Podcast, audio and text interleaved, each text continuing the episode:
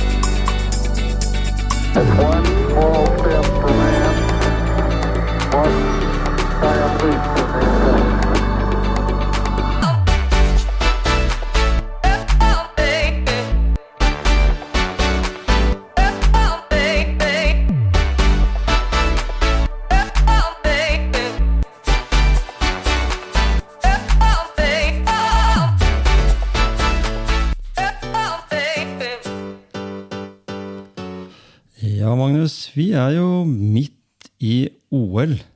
Det er vi. Og i Norge så er vi jo veldig bortskjemt på vi, Det er bare én ting som teller, og det er gull. Det er gull.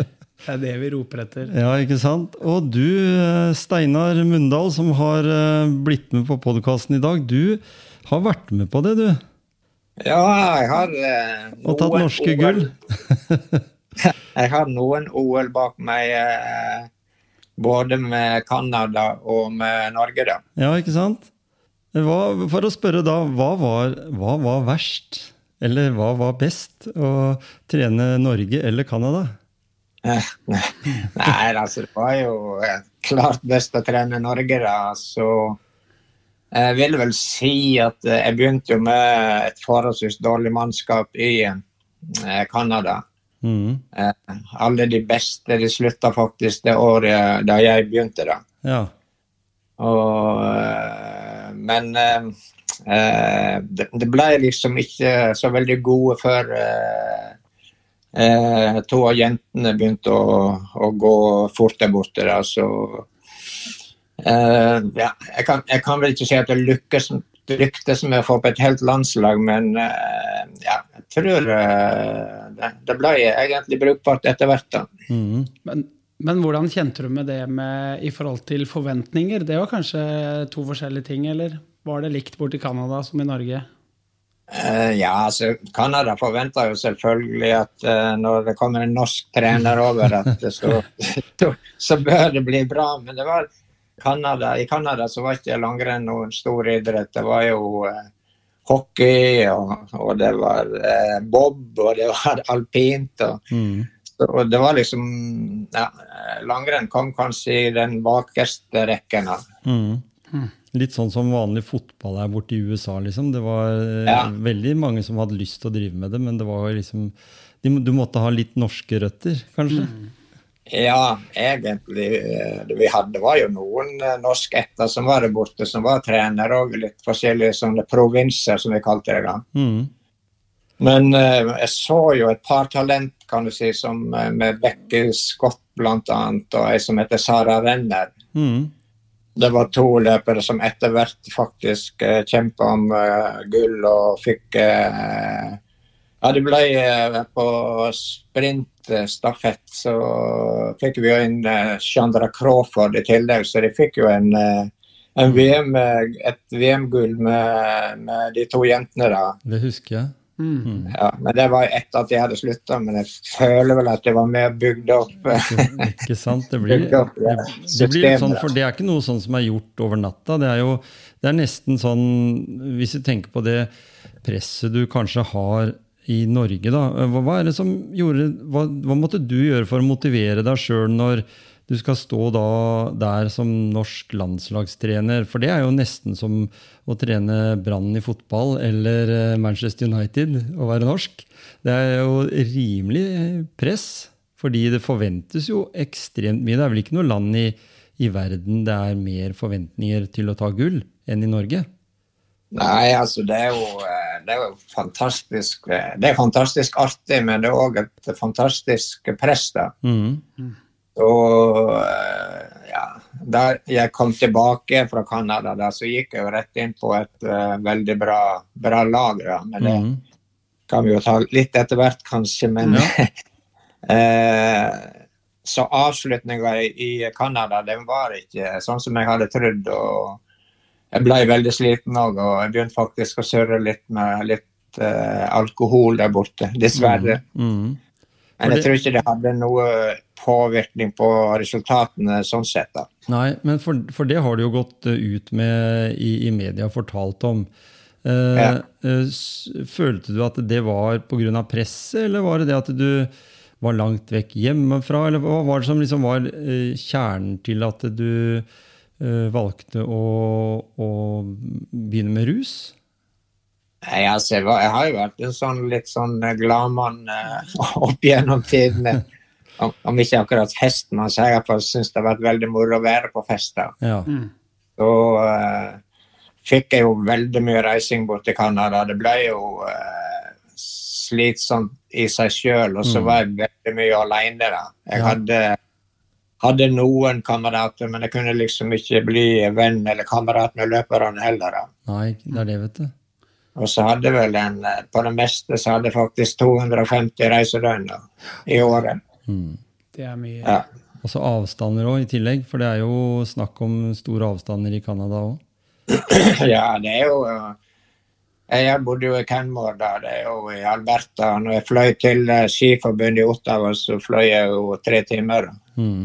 Mm. Så, eh, men nå ble jo etter hvert alt eh, med langrenn flytta til Kenmore, da, Calgary-området. Ja. Så det ble senteret for langrenn eh, og skiskyting etter hvert. da. Mm. For, for å spørre, når starta det, Steinar? Altså, interessen din for langrenn, eh, hvordan har du hatt den, sånn, for å ta den helt fra starten? Jeg, jeg var jo eh, Jeg er født i Brekkesogn, som uh, er sted, det stedet hvor det regner mest i Norge. da. Mm. Ikke mye snø, med andre ord. Det var litt snø på fjellet, og du kan si at familien vår var vel det eneste som uh, tenkte på å gå litt på ski. da. Ja. Og jeg var jo veldig ivrig på å lese aviser om, om langrenn og, og hopp og all vinteridrett, egentlig. da. Mm. Som var på en måte litt uh, håpløst i forhold til det stedet jeg bodde på.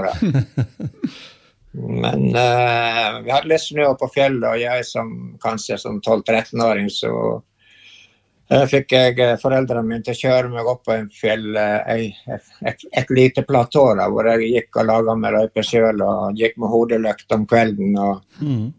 som 13-14-15-åring. da. Ja. Og det var vel ikke mange som mente at jeg var, gjorde noe fornuftig. da. Det, de fleste i Brekke de tenkte mest på uh, gårdsbruk og jobb og tenkte lite på idrett. Mm. Hvordan, eh, hvordan gikk det til slutt, da? Hvor lenge holdt du på?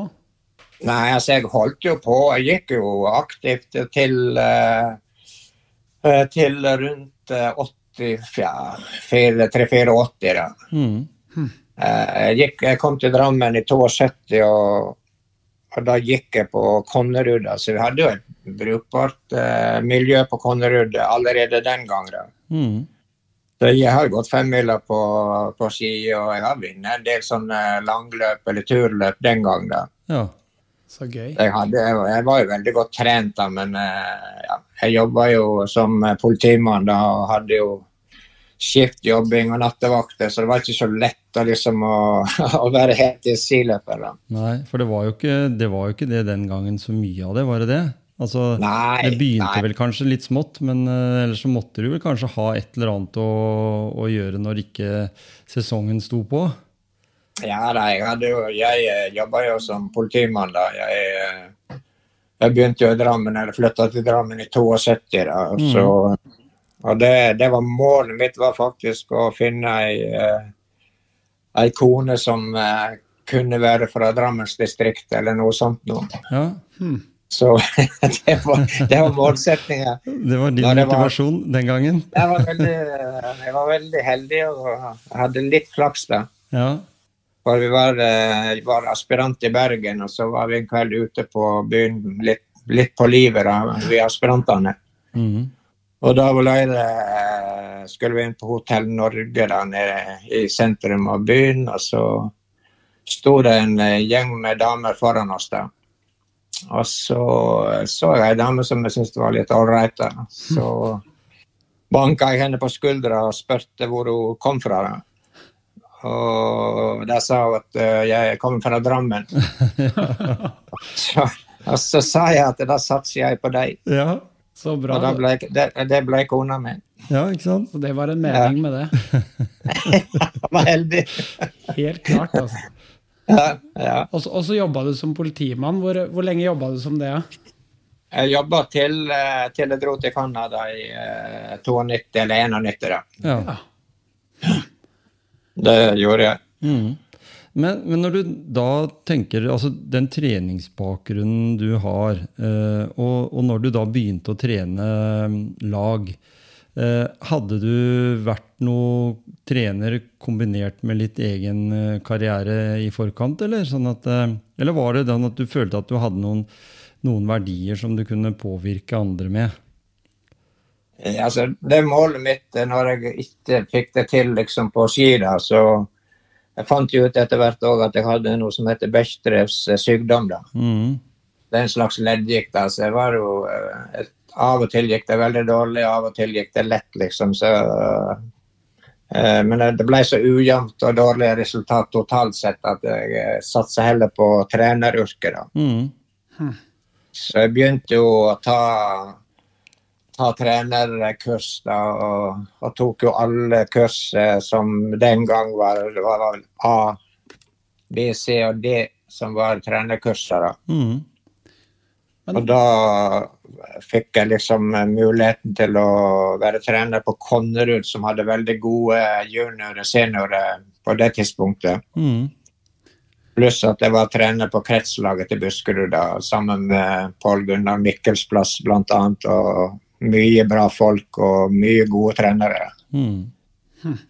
Og uh, Pål Gunnar var jo med oss, og han gikk jo på laget når han hadde muligheten å være med oss på samlinger og sånt. Og så var det en som heter Steinar Tormoskar, som jeg regner som den beste treneren i Norge liksom uh, i mange år. Mhm. Så han lærte veldig mye av. Jeg var veldig uh, nyfiken og spurte mye. Og jeg skjønte skulle jeg bli en god trener, så kunne jeg ikke bare stole på det, den ballasten jeg hadde. Da. Nei. Men, men du må jo ha hatt en eh, veldig stor motivasjon for å ja, trene og gjøre andre bra, da. Eh, kan du huske når du kjente at den eh, ja, kom til deg, da, i forhold til det å motivere og være motivert for å trene andre? Ja, da, vi, var, vi var jo på junior-NM, husker jeg. Ja, det var tidlig på 80-tallet, eller midt på 80-tallet. Da Da eh, fikk eh, faktisk vi Konrad eh, Vi fikk eh, Vi vant den NM-stafetten for gutter eller herrer, herre-juniorer. Mm. Og det syns jeg var liksom helt rått. da. Det var den første gode opplevelsen jeg hadde som trener resultatmessig. da. Mhm. Og så vi, fikk vi fram veldig mange gode løpere på Konnerud mens jeg holdt på der. Og, og så gradvis over på kretslag, hvor jeg hadde mange, veldig mange gode løpere som hevda seg i norgescuper. eh, Så, så jeg, på en måte følte sjøl at jeg kunne klare å, å få fram en del gode eh, utøvere med, på en enkel måte, eller med en forholdsvis enkel treningsfilosofi. da. Mhm. For, åssen type, type, coach vil du definere deg selv som en en leder som du var, da? Og ja, Kan du si noe om det? Ja, altså, jeg, jeg føler vel at jeg uh, var uh, Jeg var forholdsvis klar på mine meninger, da, men uh, det, det var ikke sånn at jeg var helt påståelig da, hvis andre kom med en del brukbare forslag eller, ja, eller noe sånt noe som Jeg kunne iallfall tenke på det. Det var ikke sånn at jeg kasta det fra meg med en gang. da. Mm. Og det er jo veldig viktig å lytte på en del som har fått det til som utøver òg, for det er jo de som kjenner det på kroppen. da. Mm. Så eh, Nei, jeg føler, jeg så føler jeg at jeg, jeg hadde jo veldig mye kontakt med disse gamle, gode trenerne. og Jeg fikk være med de og komme innom på samling f.eks. med elitelandslaget og sånt. Og Inge Bråten kjente jeg godt. Så jeg hadde liksom ja, jeg tok kontakt med de som jeg visste var gode, og så fikk jeg innpass. Og de syntes det var veldig artig å bli spurt. av. mm. Ja, for, det, for det, var, det er jo Det må vel kanskje si at det er en delingskultur i det at en har et landslag. Altså det, er, det er jo et lag. Eh, og kanskje mer nå enn noen gang, fordi er det først en nordmann nå som hevder seg framover der, så, og sånn, så skal jo ja, Bare all den eh, kritikken fra kommentatorene når han russeren eh, gikk eh, og prøvde å ta igjen han som tok gullet i, i, Ja. altså, i, i den skiatlonen. Mm. Eh, bare det, liksom. Det, sånn skal Ja. du ikke gjøre. Nei, nei det er Nei, altså, det er eh, Og det er liksom Jeg lærte jo veldig mye i politiet, liksom. At det går an å snakke med folk. Og eh, det var jo eh, Selvfølgelig så var det mye pågripelse hvor det var slåssing, og hvor vi måtte bruke makt. og jeg hadde på en måte en bra evne til å nød, ikke nødvendigvis å slåss med folket. Mm. Men skape an dialog. det, det går an å prate med folk. Mm. og Da ble fikk jeg faktisk mange gode på en måte venner i det kriminelle miljøet som på en måte hjelpa meg. Eller som, når du så jeg kom sånn, så var det mye lettere for meg å, Mm. å ta tak i ting enn det var andre som busa på og skulle liksom smelle på det håndjern med en gang. da. Mm. Gjensidig respekt og en forståelse for uh, kanskje de Ja, uh, det er ofte en, en grunn til at de havna der, på en måte. Mm. Ja, ja, det er jo det som er. altså. Det er ingen som, var jo mange som ikke tenker på bakgrunnen. liksom bare De, de ser den personen der og da, og så bare smeller det på håndjernet, og så Mm. er du ferdig med han da. Men eh, det, det er ofte du får hjelp, eh, mer hjelp enn du tror, når du er litt menneskelig. da. Mm, det er det. Og det er kanskje det du liksom ser når du tenker akkurat For det, for det er jo mange elementer du lærer eh, i politiet. Det er mange som har gode, motiverende løsninger fra både forsvar og politi egentlig gjennom, gjennom det. Du, Magnus, har jo litt erfaring fra Forsvaret òg, så du vet jo litt hva det der vil si å, å, å ha den Ikke overmakta, men litt den derre Eh, Jeg ser jo de, Kanskje de beste er de som lytter, men allikevel har en bestemt mening om hva som er riktig. da. Og det er viktig for en trener òg, er det ikke det? For du måtte, jo ha Jo, jo. Noen, du måtte jo ha noen teorier som hadde bygd opp ditt talent som, som trener. For idet du gikk inn i, i landslaget, så har du vel kanskje Eller den gangen så hadde du vel kanskje noen av det råeste landslaget vi har hatt. Ja da, det, er jo, det var jo helt fantastisk. altså. Da jeg kom tilbake igjen fra Canada, da, så eh, Jeg var jo litt redd for at kanskje noen Jeg hadde jo noen episoder da på eh, OL i Nagano som eh, iallfall noen av de her norske la merke til. da. Mm. Eh, Men likevel så fikk jeg eh, muligheten til å ta over det laget som heter AstraZeneca. Det var eh, nest beste lag, eller slags, slags rekruttlag eh, rett under elitelaget. da. Mm. Og det var jo veldig mye gode løpere. Tor Arne Hetland var der, Egil Kristiansen. Ja, det var, det var bare vanvittig mange gode løpere. Mm.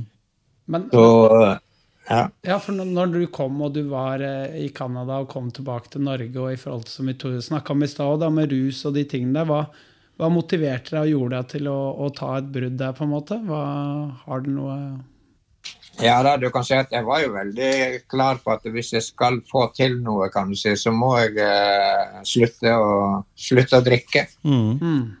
Jeg må oppføre meg, jeg må på en måte vise at jeg er, eh, at jeg er, at jeg er god nok og stødig nok til å kunne være en, en god trener. Da. Mm. Mm. Så, så det var mye av motivasjonen, egentlig? For å ta Ja, det var veldig, og så, ja, så var det jo helt utrolig at jeg fikk muligheten nå, for det, de visste jo litt at jeg hadde surra litt, da, men du de mente samtidig at det var en veldig god trener da. og Det, det var det vel for så vidt òg.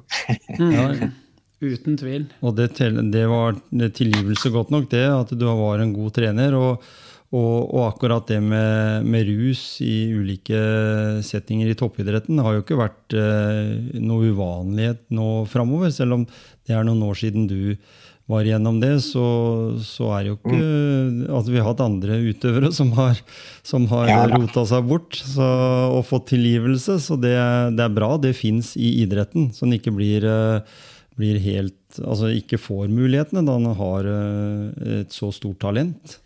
Ja da. Det er, det er Gjelder jo, ja. det, gjelder, det gjelder jo hele samfunnet, på en måte. Det med alle som har også ofte stillinger i næringslivet og i idretten, som eh, fort òg kan bli ensomme yrker. da. Mm.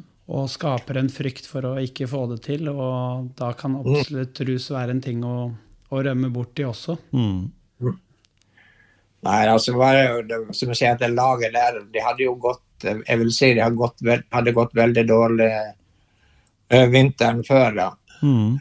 Da hadde vel, eh, Jeg vet ikke om de hadde trent for hardt, eller hva de hadde gjort, og gjort det litt komplisert. Jeg drev med litt sånn trappeløp og løp eh, 800 meter på bane. Det var veldig mye sånn, Ja. sånn hard trening, da. Og så la jeg om treninga veldig sånn at vi trente mye mengde og litt hardt. Og da, det gikk jo egentlig fort hele gjengen. Jeg hadde jo Anders Aukland og Tor Arne Hetland, eh, Espen Bjervik og ja, Tore Bjornviken. Og det var jo sånn som fikk eh, gå verdenscuper og fikk Mm. mm. verdenscupseiere faktisk den vinteren. da. Så det er kanskje er- Jeg tror nesten det er den beste jobben jeg har gjort med noen uh, løpegrupper som ikke hadde prestert så mye da året Mm. før. Mm. Du, du så at det var talenter, og det vet vi også hva de eh, utøverne har levert.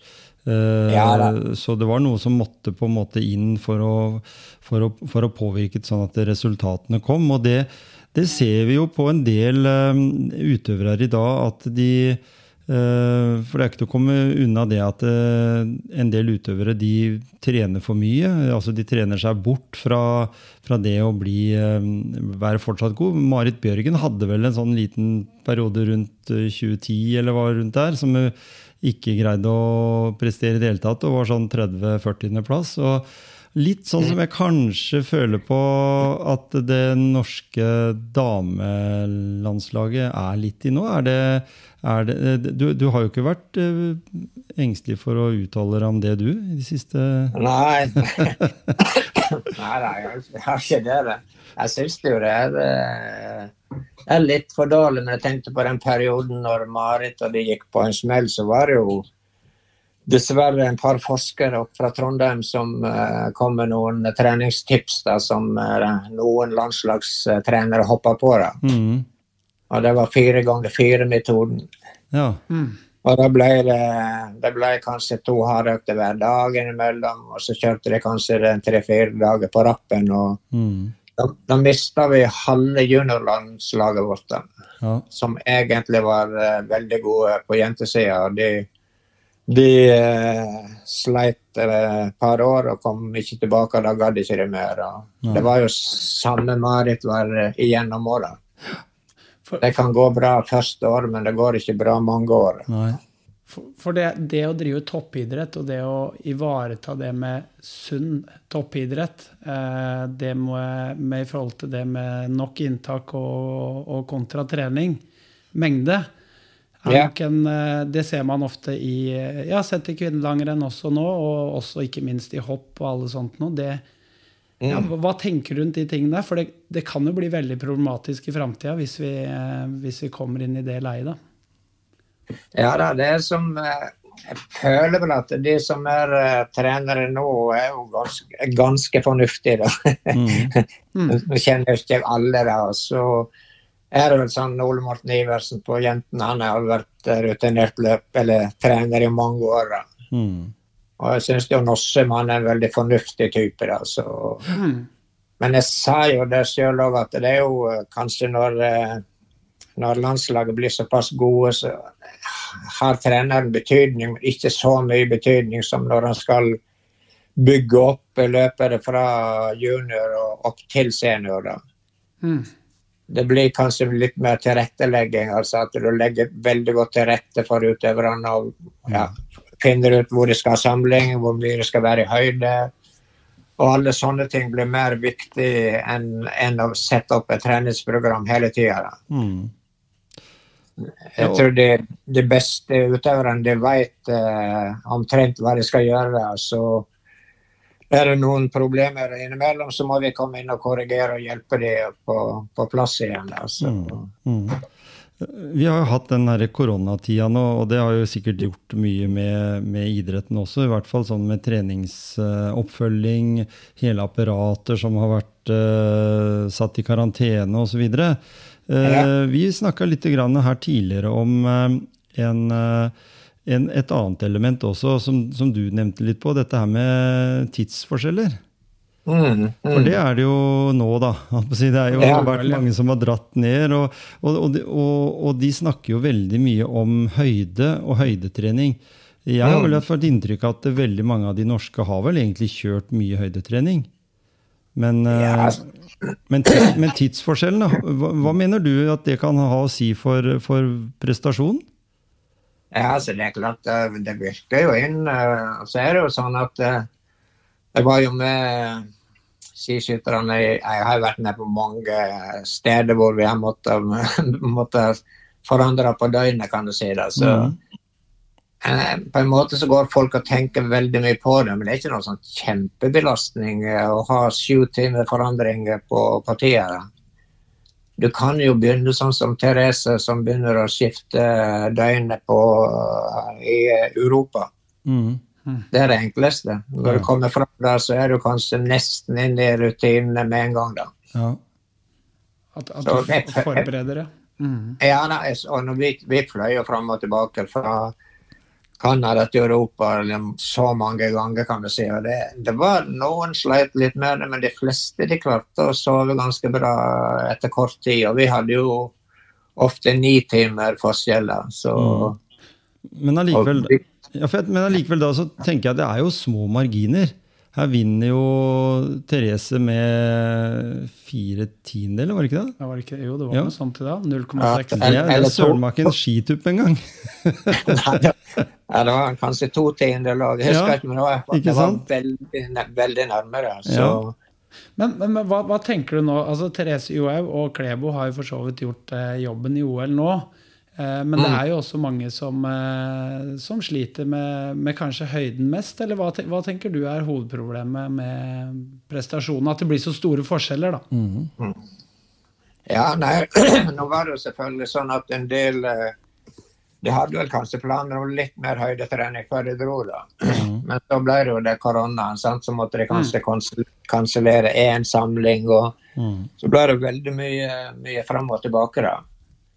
Men, men det som uh, i gamle dager, eller ikke gamle dager, men da Bjørn Dæhlie og Vegard Ulvang og de holdt på å, å forberede seg til eh, OL og VM og sånt, så var det jo tre uker i høyden. Så var det hjemme kanskje 20 dager, nye tre uker i høyden. Mm. Det var liksom ikke noe eh, Det var bare sånn det skulle være. Ja. Mm. Jeg har følelsen av at nå uh, syns folk det er lenge å være borte i eh, 20 dager. da. Mm. Mm. Men uh, det er jo jobben der. Altså. Det, det skal ikke, du skal ikke tenke egentlig så mye på hvor du bor akkurat der og da. Det, det viktigste er å preppe, eller, klare å forberede seg maksimalt til et, et viktig renn eller en viktig konkurranse. Mm. Eh, Følte du at du som trener, når du, du, du trena de, følte du at du bidro der? At du motiverte de eh, til å prestere akkurat de tiendelene som måtte da ekstra? For den, den, den nytter jo altså, Vi var inne på det her eh, en, en dag tidligere her som vi snakka sammen, at uh, uh, de som da er uh, topp ti i Norge, de er jo best i verden, på en måte, hvis en ser det på den måten. Ja. I dag så har det vært sånn at vi har egentlig sittet litt og venta på at det skulle komme noen som kanskje har blitt friske av korona. Og jeg sitter og ser på TV og tenker at hvorfor sender de ikke ned en som eh, kunne ha dratt ned da, og kanskje hevda seg, eh, istedenfor at vi starter med en mindre? Ja, ja. Hvordan, hvorfor, er, hvorfor, tenker trenerapparatet sånn? Fordi det, Du har jo vært i kanskje ikke samme situasjon, men, men, men hva tror du gjør eh, at de gjør det valget? Ja, At det selger lite folk, tenker du ja, på? At de stiller med en person mindre på, på et løp fordi de egentlig har lyst til at en som de antar da, kan være større medaljekandidat enn en som sitter hjemme som reserve? Eller som Ja. faktisk er der nede også? Ja. Nei, altså, jeg, vil, jeg ville jo ha sendt en tropp som var uh, litt uh, større enn én eller to ekstra. da. Mm. Jeg ville nå hatt eh, noen som Du veit jo aldri hva som skjer der nede heller. Det kan bli forkjøla, sant, og du kan få et eller annet, og så plutselig så har du eh, kan ikke du fylle opp troppen, og det er jo veldig skremmende, egentlig. Mm. For, for det, Ja, det, vi det har jo så- Ja. Nei, vi har jo så mange gode løpere i Norge, Ja, kan du si, som er nest best og går fort i Norge Mm. mange, eh, hele vinteren. Men det er litt bittert å se at det kunne ha gått at vi kanskje ikke klarer å stille med fire personer. Ja, det er det. Og, og Ja. tenk på den gulrota, tenker jeg da. Tenk på den gulrota for en person som egentlig ikke var god nok, men som allikevel var, som jeg sa i stad, eh, blant de beste i verden. Egentlig fordi Ja. du er god i Norge. Mm, mm. Og da, og da, og da tenker jeg litt sånn eh, Tror du at eh, når Hvis vi nå ender opp med Dette blir jo ren spekulasjon, men hvis vi ender opp Ja, ja. med at eh, Therese nå sier at de norske tar kanskje en medalje da, i stafetten, og så, og så er eh, Therese fornøyd og sier at det nå er nok nok. Hun har forlova seg og har en kjæreste, og naturen, naturen sin gang. Ja. Eh, eh, hva da med de? Fordi da er det liksom Da er det ikke medalje engang. Nei, det, det det, Selvfølgelig så kan det jo være, noen som, eh, som utvikler seg bra Ja. etter hvert, da, men eh, det er klart det er jo litt skremmende langt fra toppnivå til Therese og ned til de, de neste. da. Mm.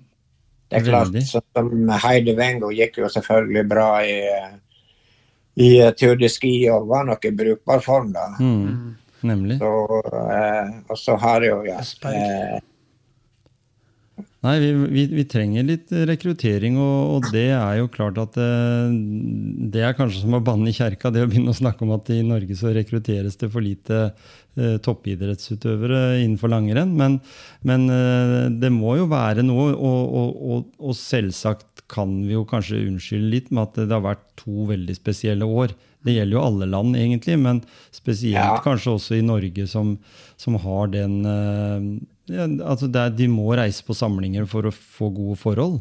For vi har jo ikke, ja, vi har ikke snø eh, ned i landsbyene her, som de kan ha i mange av de andre landa nedover i Europa. da.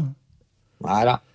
Men eh, nei, altså, jeg er jo, jeg er jo litt skremt over systemet på en måte på, på de som er på vei oppover. Jeg har jo sagt det før at vi har jo Jeg tror vi har altfor mange privatlag. Mm. Jeg tror vi har litt lite oversikt over hva vi, de forskjellige lagene trener der. Vi har helt sikkert mange gode juniorer og mange gode rekruttlandslagsløpere i, det, i den aldersgruppa, men eh, jeg er liksom litt redd for å at, at ikke vi tenker nok framover. Altså at, mm. at vi trenger ikke å være helt rå når vi er 18-19-20. Altså, vi, vi må jo være gode, da. Mm. Mm. Men jeg- jeg mener liksom fra, la oss si, fra 23 og oppover, det er da du må prøve å få en felles filosofi som, som virker. Altså Det er jo en to-tre filosofier eller et par til filosofier som virker, og da er, ikke, er det dumt å bruke andre metoder for å få folk til å gå fort som 19-, 18- og 19-åringer. Mm. Helt Det er jo det jeg, det, det jeg frykter mest. da. Mm. Og, og det tar oss litt inn på det der med tålmodighet. da. Det i forhold til det med å, å bli den beste. Du så i dag i forhold til de finske løperne, f.eks. Eh, og at man ikke skal bli verdensmester når man nødvendigvis er 20 år. Mm, mm. Eh, og gi de den tålmodig, eller den utholdenheten, da. Mm. Ja, ja. For Finland har jo vært eh, si, Det har ikke vært noe si, for, fortjent. fordi selv om de var litt uheldige med noen dopingsaker på, for mange mange år siden, så har jo egentlig Finland slitt veldig på å komme opp igjen på det nivået med Norge og Sverige. Ja. men allikevel så ser vi jo da, som, som Magnus sier òg, dette her med, med hvordan de på en måte greier å levere selv i voksen alder. ja. Ja da, og det er jo det som det, er det jeg mener er toppidrett, liksom. Det er når du blir voksen og er liksom kjemper i verdenstoppen. eh, Mm. Da, da mener jeg liksom det er det målet til Norge òg bør være. Det er helt sikkert flott og gjevt å vinne junior-VM og, og gå fort når du er 20 år, da, men eh, jeg, det er akkurat det jeg er litt redd for, at vi er så fornøyd med det. Mm. At det er kanskje litt tøft å gå da inn i det store seniormiljøet hvor du blir kanskje nummer 10-12-15, Mm. men likevel går ganske fort. da. Mm. Ja. Og, og det var jo sånn i sin tid med Petter Northug når han kom eh, eh, som en virvelvind inn i, inn i langrennssporten, så blei jo ikke han tatt ut med en gang. fordi det var noen i systemet der som, som du kjenner sikkert godt, og som valgte den gangen å si at eh, du må vente litt. Ja, ja. ja da. Mm. Og, og det er jo kanskje sånn at uh, modningsprosessen er litt ulikt, og det ser jo altså Vi som publikum vi ser jo det at det, å, her, hvorfor gjør de det? Eh, Men det vil jo være altså det vil jo være grunner bak her som, som ikke nødvendigvis kommer fram til meg som ser. Ja da, det er det er selvfølgelig. Det, men jeg, jeg, jeg, jeg føler vel at det kanskje for noen år siden så var liksom den norske modellen den var liksom spikra. Den var, var bunnsolid. Mm. Hva du skulle gjøre for å bli god, det var å trene mye mengde og så trene litt hardt. Mm. Men eh, så er det kanskje litt, litt eh, noen som forsker litt på, på liksom hvordan du kan få folk til å gå fort på litt andre måter. Og, og det finnes helt sikkert. Men det nytter ikke å komme med noe ekstrem forandring, for det, eh, det går ikke. og Det fungerer aldri. Nei. Jeg syns jo det er vanskelig å ikke snakke om sånne type treningsmetoder og sånn til en uh, trener som du, deg da, i, i forhold til langrenn. Og jeg tenker at Tror du uh, at den herre skileik uh, i Norge opp til en viss alder er for, for noen litt, at, at den venter litt for lenge med å spisse seg mot det å bli en god langrennsløper. Akkurat som hvis vi ser nå tennisspillere sånn som Kasper Ruud og vi ser Ingebrigtsen-brødrene, sånn, de begynner ganske tidlig, og de er ganske sånn motivert i hodet sitt til at eh, Sånn som eh, Jakob Ingebrigtsen som sa det at han skulle bli olympisk mester. Eh, å liksom være så dedikert, tror du det gjør noe med den fokusen du har hvis du da greier å holde deg skadefri? Jeg tror også mange av de alpinutøverne vi ser tar medaljer, eh, har det, men, men innen langrenn så skal du leke og sånt noe i, i kombinasjon med det at vi allikevel forventer at noen av disse her skal bli verdensmestere, da. Eh, når, tro, hva, hvordan tror du den norske modellen er der? Fordi vi er jo veldig sånn fortsatt at du skal kun begynne jeg vet I fotball er det du skal begynne når du er 14, eller altså det er en viss satt en alder på det. da. Men det, kan, det toget går kanskje fordi eh, russerne og, og andre begynner kanskje med en gang de kan gå, nesten.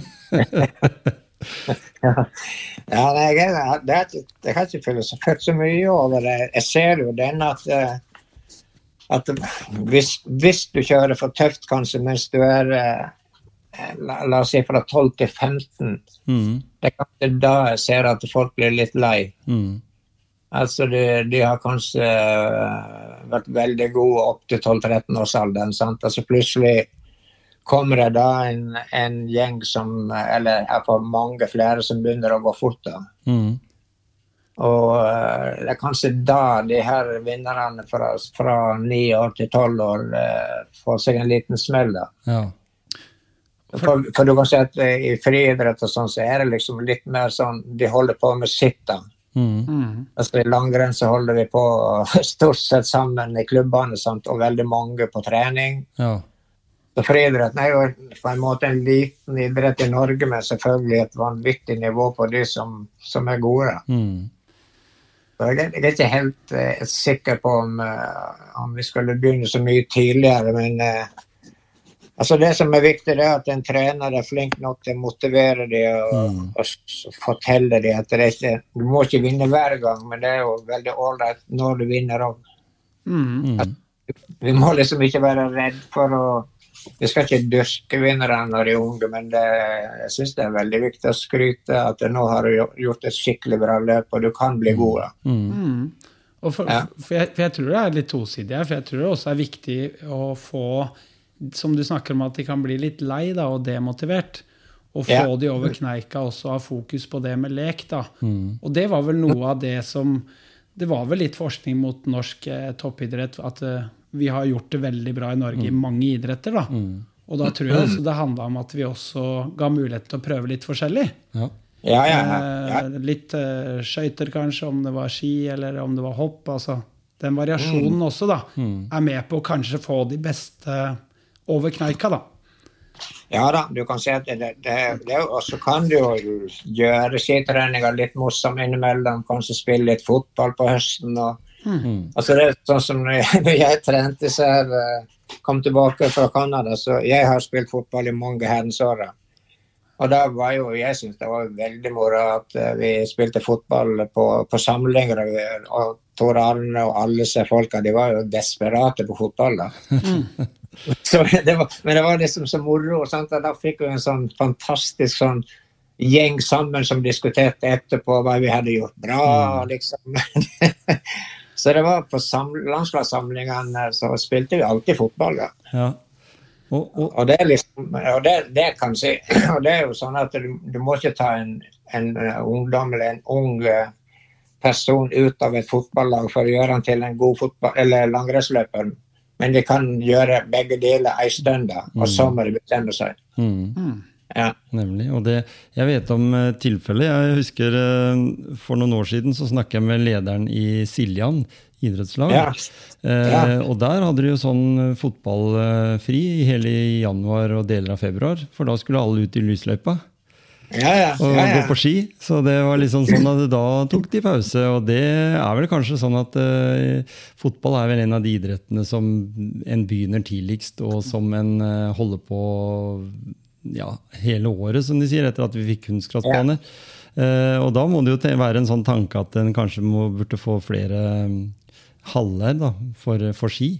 At det, at det burde være en, eh, en tanke å få det. Og ikke minst, eh, for jeg går litt på rulleski også på sommeren, og jeg sier jo sånn som vi har det nede i Grenland nå, om å reise langt for å stå på ski, så har jeg jo ingen, jeg har ingen steder å gå. Nei, og du kan si at det er jo eh, Jeg mener at du kan være allsidig, og bør vel være litt allsidig, iallfall i helt fram til du er en 13-14, og du trenger ikke bestemme deg før da. Nei. Men det er klart, hvis du har lyst til å bli god, kan du si, så bør du kanskje tenke når, det er hovedlandsrenns eh, aldersgruppa 15-16 år, Mm. så bør du kanskje begynne å tenke litt eh, at dette her er en idrett som vi har lyst til å drive med. da. Ja. Og så går det an å variere veldig mye på treninger. Det trenger ikke være helt ensidig på, på ski. da. Nei. Men så tenker jeg altså sånn, eh, Når vi begynner å nærme oss litt mot slutten, da, så tenker jeg litt sånn, eh, Steinar, i forhold til det med motivasjon. da. Vi heter jo Mm. tross alt motivasjonspreik. Eh, Ja, ja. Og så er jo du en motiverende kar som har opplevd livet både opp- og nedturer. Mm, mm. Tenker jeg, hva, hva slags motivasjon eller hva har du lyst til å dele for, til de som sitter og hører på nå, i forhold til det med å, å komme seg ut av vanskelige ting, eller det å se lys i en kanskje mørk tilværelse, da. Eh, har du noen ting du har lyst til å dele der? Ja da, det er jo eh, Det er klart når jeg var på det verste, kan si. Det Problemet mitt var eh, Jeg kan begynne med det. da. Mm. At jeg skulle ikke ha hjelp av noen. Jeg skulle ordne alt det her sjøl. Mm. Det var det som var, eh, var det staheten min da. Jeg hadde fått til alt mulig. Fått til å bli en god uh, skiløp, eller skitrener og liksom fikk til alt som jeg hadde lyst til å få til i livet. Da. Men jeg klarte ikke å mestre alkoholen. Da. Mm. Men der ville jeg ikke ha hjelp, for det skulle jeg klare sjøl. For jeg hadde klart uh, det, alt det andre sjøl. Så jeg vil jo si at når jeg først begynte å få muligheten til å få hjelp, kan du si, så jeg var gjennom institusjoner og alt, men det var eh, ja, Jeg skulle fortsatt klare det sjøl. Eh, Jeg var jo på en klinikk oppe i Valdres en gang, og da sa hun sjefen der at du, eh, når du slipper ut herfra, så kommer det til å gå enda en tre-fire år før du blir edru. Og, og det stemte faktisk. så, Ja. Hun, hun, kjente, hun kjente på meg at jeg var så, jeg var så rå på liksom å prøve å gjøre alt sjøl, men det, det går kanskje ikke akkurat på, den, eh, på det feltet. Nei. Men syns du du fikk god hjelp? Ja, du, behøvde ikke å løse, du behøvde ikke å løse det sjøl? Nei, men jeg, jeg måtte på en måte til slutt gjøre det. Så fikk jeg veldig hjelp eh, av folk som kjente meg, så jeg fikk begynne å bli litt sånn trener på Drammen. på idrettslinja der. Sant? Jeg fikk noen tilbud å komme tilbake sakte, men sikkert. Da. Og så ringte jo plutselig uh, han Morten Djupvik meg når uh, at jeg lurte på om jeg ville komme tilbake på landslaget liksom i 2007. da. Mm. Det Ja, det, var jo, det var jo sjokk for meg. Altså. Jeg hadde aldri, aldri trodd det. Men det, det var tilfeldigheter, for da fikk jo han eh, han andre treneren fikk jo kreft, da, så de måtte ha en som kunne gå rett inn på, på herrelandslaget. Da. Så det, det med å ta, eh, på en måte søke hjelp, og det å eh, tørre å, å, å be andre om eh, Ja, og det å være ærlig, da. Ja, Og det å tørre å prate med mennesker og stå åpent opp om hvem jeg egentlig er. Mm, Det er det det handler om også i mange situasjoner for oss mennesker. da, Det at vi ofte bærer en fasade.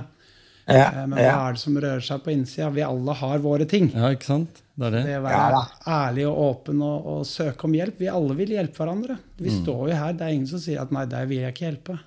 At vi er litt rausere der og ja, tør å bjuda på. Det er ingen som lever perfekt. Eller, vi alle har våre ting, da. Ja. ja da. Men det var jo det som på en måte var eh, mitt, at jeg hadde fått til alt det andre i idretten. Mm. Fått eh, gode resultat nesten overalt hvor jeg var, men jeg klarte ikke å styre eller få, få, få orden på alkoholen. Mm. Og det var så å bli sett på at jeg skulle klare sjøl, men det klarte jeg ikke sjøl. Nei. Så av og til må du, må du gå og få hjelp sjøl om du tror du klarer å fikse det meste. Og det, er, og det er jo sånn at eh, det har jo vært historier eh, Nå har jo du vært politi sjøl, og, og det har jo vært Ja. historier om, om eh, mannspersoner, da, eller menn, som, som har hatt alltid perfekt eh, uniform, men hjemme så har det vært et eneste kaos. Ja, ja, ja. Så, ja så det er litt med det der, der at du står i det du er eh, god på, og så er det noe som en må på en måte noen ganger innrømme at en ikke er så god på. Eh, og det kommer jo i faser i livet. Jeg måtte bli over 50 sjøl før jeg innså hvor mye jeg var dårlig på. Ja. Så det er litt sånn. Eh, helt til slutt, eh, Steinar, jeg har lyst til å høre. Hva tror du Norge får av medaljer i- resten av OL? Vi må jo nødt til å avslutte litt med OL-prat. ja da. Ja da. Nei, altså, det var så utrolig moro å se på han eh, som kjørte, kjørte som kombinasjon i dag. Ja, Veldig. herre. Hva heter han? Det Kilde. Kilde, ja. Kilde. Om Ja, Kilde. Kilde. Han hadde jo ikke var- stått på slalåm på et år. Hva snakker de om? Men det, kan hende det er overdrevet. Men det er liksom Ja. måten han dansa seg ned på. Mm. Og liksom at han så bare sto han der, sant? Og var, plutselig var det ingen som slo han. Ja, det var helt rått, Ja. altså. Det er magisk. Og samme, vi må også ta med Birk Ruud, da. Ja. Som også ja, ja. satte målet og skrev det på veggen når han var en liten gutt. Mm. Det er jo helt fantastisk. ja. Ja, det, er- det er helt vilt, altså. Det er det. Så, de, så de medaljene som vi tar på som, som, som eh, selv, selv, de er vi sikre på, liksom. Og så får vi medaljer som virkelig, virkelig betyr noe. Og da skal ikke jeg si at ikke medaljene til Therese Johaug betyr noe. Og i hvert fall ikke for hun. For hun har vært gjennom litt av hvert, hun òg. Hvis du skal tenke Ja, sånn. Ja, det har det vært, altså. Ja. Men jeg tenker på det Mix uh, curlinglaget. da. Ja, Det var jo helt vilt, det òg. ja, ja. Men- men- Ja, Kjempegøy. da. Men, men tror du liksom eh, det med Hvis vi tar langrenn på slutten, da. Hvis du tar eh, Ja. herrer nå framover, hva tenker du der? På de som står igjen, da. Nei, altså jeg er jo veldig usikker. Nå kom jo Krüger ned. Jeg er litt usikker på hvor, liksom, hvor, hvor mye påvirka han har blitt av den her hjemmeværinga. Men jeg, jeg har veldig tro på han på femmila, altså. Det må jeg bare si. Mm. Og, Altså, tror, og det, kan være, det kan kanskje være fordelen at han kommer inn nå fordi andre har vært med i mange løp? Og så Ja, kommer altså, jeg tror kommer en frisk, fresken utenfra nå, kan du si. og Og så har du ja, ja. Holund, da, selvfølgelig, som Ja. er en stayer. Ja da. Ja, Holund er sterk, men det er klart hvis det Han er vel ikke noen rå spurter, da. Nei, ikke sant? Og, Og i dag så er nivået på en femmil òg, det er jo helt ekstremt. De kommer i mål, og de, de på en måte spurter i mål, og det er målfoto nesten på en femmil. Det er, ikke, det er ikke som i gamle dager når du sendte ut i skauen og de var borte i to timer eller to og en halv time. Nei, altså, jeg har jo tro på flere. Stafetten på på herrene blir jo et, veldig spennende, men vi har jo et veldig godt lag der. da. Ja. Men damen, Og- damer blir kanskje verre i år? Ja, damene blir nok uh, verre med, med det mannskapet de har nå. Så ja. de har ikke, de har ikke toppa lag, for å si det sånn. Og, men det er klart, uh, sånn som Therese hun kan jo gå en uh, fantometappe, kan du si, som eh, gjør at det, det kan gå veldig bra. Så uh, forsesongen er jo Hun kan jo gå fort på en ti kilometer. Det er ikke noe eh, Eller det, det går ikke mer enn fem, da. Men Nei, nei. Nei. sånn så tror jeg hun kan gå bra sammen med nedlogger som Mathilde. Jeg tipper på at vi kan kjempe om eh, medalje på, på stafetten. da. Mm. Vi satser Ja. på det. Vi satser på at vi gjør eh, det beste OL ever på medaljesida. Ja, da, vi, vi er jo kommet eh, godt på vei, da. Ja, vi leder, det er vel beste nasjon så langt. Ja. Og det er Ja. jo helt fantastisk. Tenk Mm. lite land vi er. Det er Ja, det er jo, folk vet jo hvor Altså, Norge er engang. Det er helt vanvittig. Og så dukker det opp sånn at vi er gode i idretter som ikke jeg kunne tenke meg, sånn som curling, at vi er så gode der, liksom. Mm. Nemlig. For der har Men vi har jo vært gode der før også. Ja. Det er jo, ja. Men det er sånn Canada og, og USA, vel, også Sverige har jo altså Det er mange land der som, som på en måte eh, tar kanskje curling mer på alvor enn en vi gjør. Og så, jeg trodde jo det, det, det medalja var godt eh, i begynnelsen der, når de taper så mange kamper etter hverandre. Så det, det viser vel litt den motivasjonen, det òg, når vi snakker om motivasjon. At, den, at de greide å, å løse opp i en liten kanskje en spenningskonflikt som var der. Og så, og så fant de ut at det, at det var mulig å, å få til. Så all ære til alle de i utøverne. Og, og, Ja. og all ære til, til deg, Steinar Mundal. Du, Ja. Vi må takke deg for at du ville bli med i Motivasjonspreik. Ja, nei, men det var veldig hyggelig, faktisk. Og, så håper vi at vi gjennom denne episoden kan motivere noen av våre lyttere også med det vi har Ja. kommet med, og det du har kommet med. Ikke sant, Ja. Magnus? Mm, absolutt, altså. Og jeg, jeg sa ikke så mye hva jeg jobba med, men jeg er jo egentlig en uh, engasjert kjøpmann Mhm. i Kiwi. Med, ja, ja, med, med side, sideengasjement som coach for næringslivet. Da. Så jeg Ja. eh, tar til meg alle de flotte tinga du hadde å komme med og dele med oss i dag. Mm.